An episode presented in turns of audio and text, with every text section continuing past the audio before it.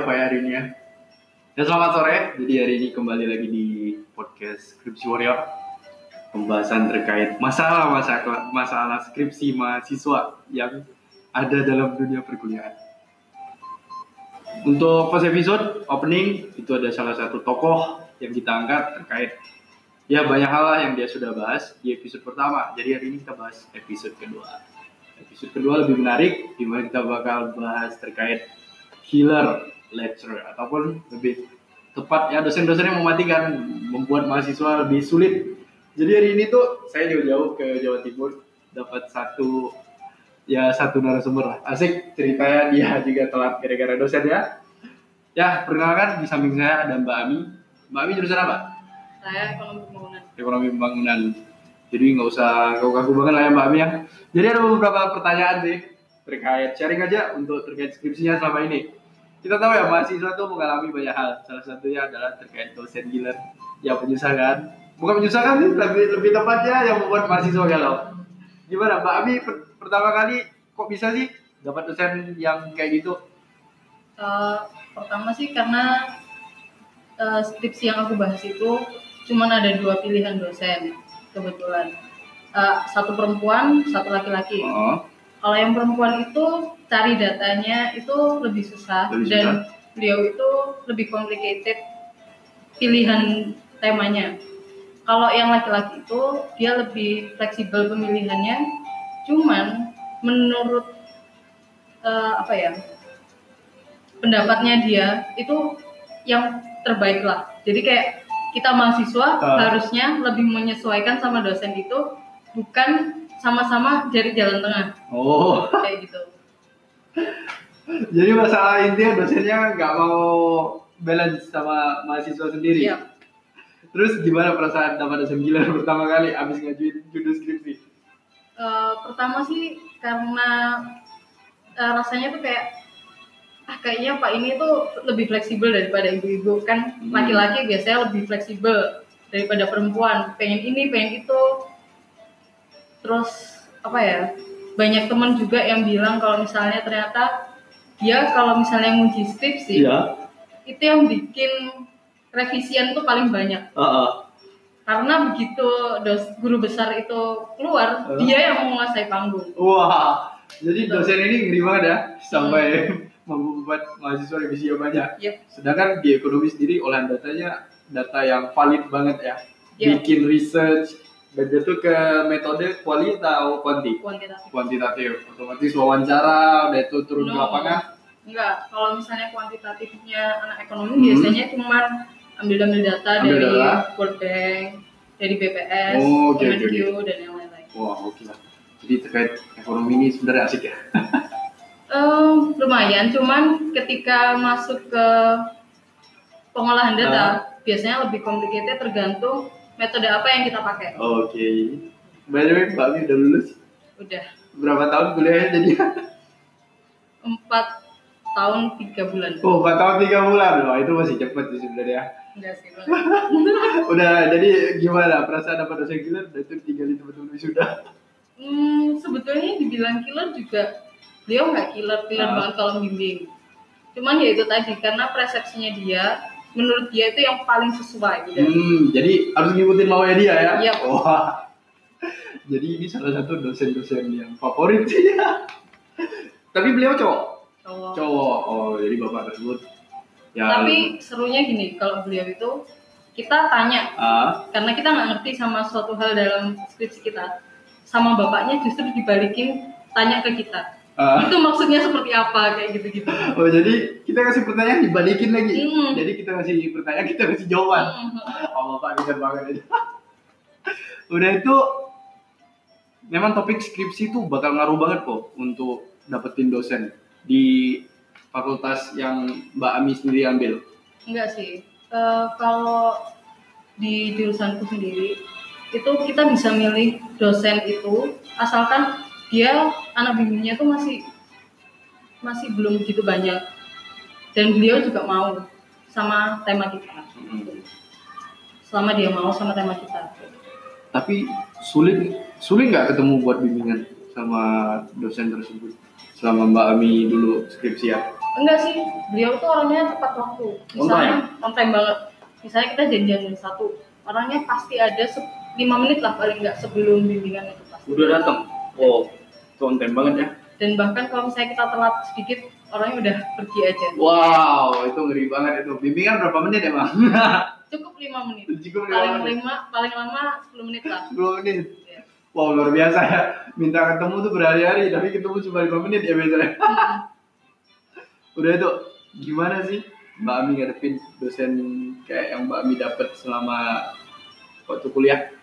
Hmm, awalnya tuh sebetulnya pengen sama dosen yang lain, cuman Hmm. kebetulan dosen itu belum diperbolehkan membimbing Oh, mahasiswa. membimbing, Nah. Akhirnya karena nggak ada pilihan lain, ya udah bapak ini aja gitu, Hmm. karena dianggap lebih fleksibel itu tadi. Hmm. Nggak taunya setelah konsultasi terus ngerasa kayak kenapa pertanyaan dibalikin pertanyaan lagi, terus disuruh balik minggu depan dan ketemu cuma lima menit. Dan Kalau bertanya lagi. Nah, saat kita udah ngerti, loh cari jurnalnya dong, loh cari anunya dong, cari sendiri dong, kayak gitu-gitu. Wow. Kan kita niatnya udah ngasih jawaban lagi misalnya. Terus bapaknya tuh kayak ngerasa itu masih belum sesuai, Sama persepsinya dia. ya sama persepsinya dia, itu tuh kayak selalu dibalikin lagi. Lama-lama aku kesel kan. Akhirnya teman-temanku banyak yang nyaranin, udah kerjain aja dulu semua kayak gitu.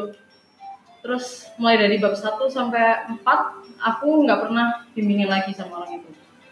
Baru ketika satu bulan sebelum sidang terakhir, ketika empat tahun pas, Ya.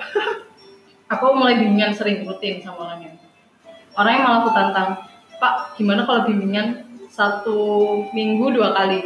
Bapaknya bisa atau Oke. enggak, dan bapaknya mau atau enggak kayak gitu. Oke, nggak masalah kayak gitu gitu. Keselnya lagi begitu udah nyerahin, yang dikoreksi itu bukannya permasalahan dalam skripsiku, tapi malah penulisan. Oh malah dibalikin ke penulisan Nah. terkait skripsinya. Yes. Ditanyain penulisanmu ini masih salah kayak gitu-gitu. Ini masih kurang, ini masih typo, ini masih anu. Iya Pak, Eh, kata temen-temen lebih baik ty- typo sekarang, tapi pembahasannya bener. Hmm. Terus orangnya nggak mau. Ya enggak lah, kalau sama saya nggak kayak gitu. Penulisanmu harus bener juga dulu kayak gitu-gitu. So overall dosennya perfeksionis. Yes, banget. Itu sebenarnya dosen yang asik perfeksionis nih. Skripsi kita lebih tertata ya nggak sih? Tapi kalau dari segi isi kurang tertata sih kalau Oh oke. Tapi untuk penulisan lebih perfect. Yes. Oke. Jadi ini jawaban jujur ya, jujur dari kami. Bener kok, dosen killer bikin mahasiswa telat lulus. Hmm, iya. Iya. Jadi itu jawaban jujur Mbak Ami ya. Soalnya, soalnya eh, dosen itu dikatakan killer atau enggak menurutku sih. Ketika dia emang uji skripsi. Hmm. Kalau misalnya ada temenku yang dia kena dosen pembimbing Ya. itu tadi, skripsinya tuh bagus. Cuman ada di beberapa part temenku itu kurang mengenain sesuatu atau terlalu Hmm. mengangkat yang sara karena dia kebetulan ngambil tema yang etnis Oke oke. dihubungkan dengan ekonomi menurut dia itu kurang sesuai Oh akhirnya kurang pas. Mm-mm. akhirnya dia molor juga lulusnya Hmm, Jadi gara-gara dia ujian terus revisi kan? yes Bener. Bahkan teman saya tuh ada yang nangis di, di habis sidang dikritik direvisi nangis. ya itu. Ja- Jadi benar sih kata orang dapat dosen killer di ujian itu sakit banget ya sih. Mm-mm. Sakit dia sama revisi kan. Ah, sakitnya direvisi di sidang biasanya nggak terlalu diserang cuman begitu face to face revisi itu biasanya oh diserang Diserang. semua Dan pengalaman Mbak Ami sidang nih, dosen yang Mbak yang membimbing Mbak Ami sendiri datang waktu sidang alhamdulillah datang dan dibantu waktu ditanya sama dosen yang lain. enggak Enggak. Jadi Mbak Ami sendiri yang mau bertarung. dan untungnya aja karena banyak dosen-dosen. Kan kebetulan punya saya tuh mikro.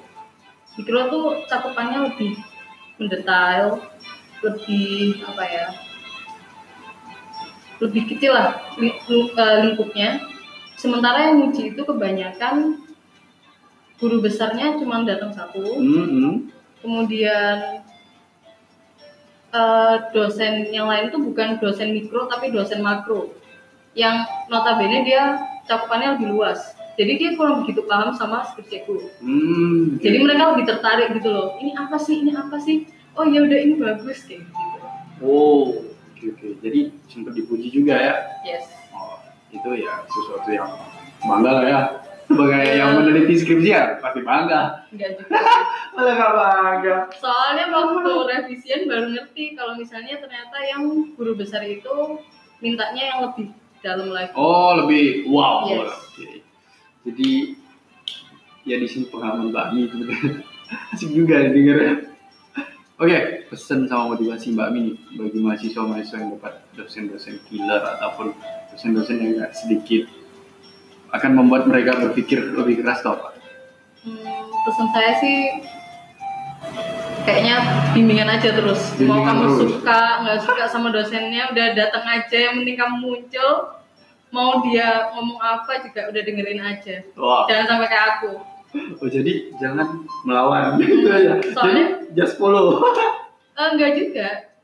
Kita boleh selama argumen kita tuh kuat. Oh. Kita punya bukti. Eh, kebetulan waktu itu tuh keselnya aku tuh cuman di satu titik. Ketika aku kan ngomong tadi kalau misalnya punya itu cuma dibetulin penulisannya aja. Sampai akhir aku mundur eh, sidang itu karena eh itu karena aku tadi orangnya kesel karena aku nggak bimbingan. Ya cuman itu aja. Selebihnya nggak ada yang dirubah. Bikin kesel.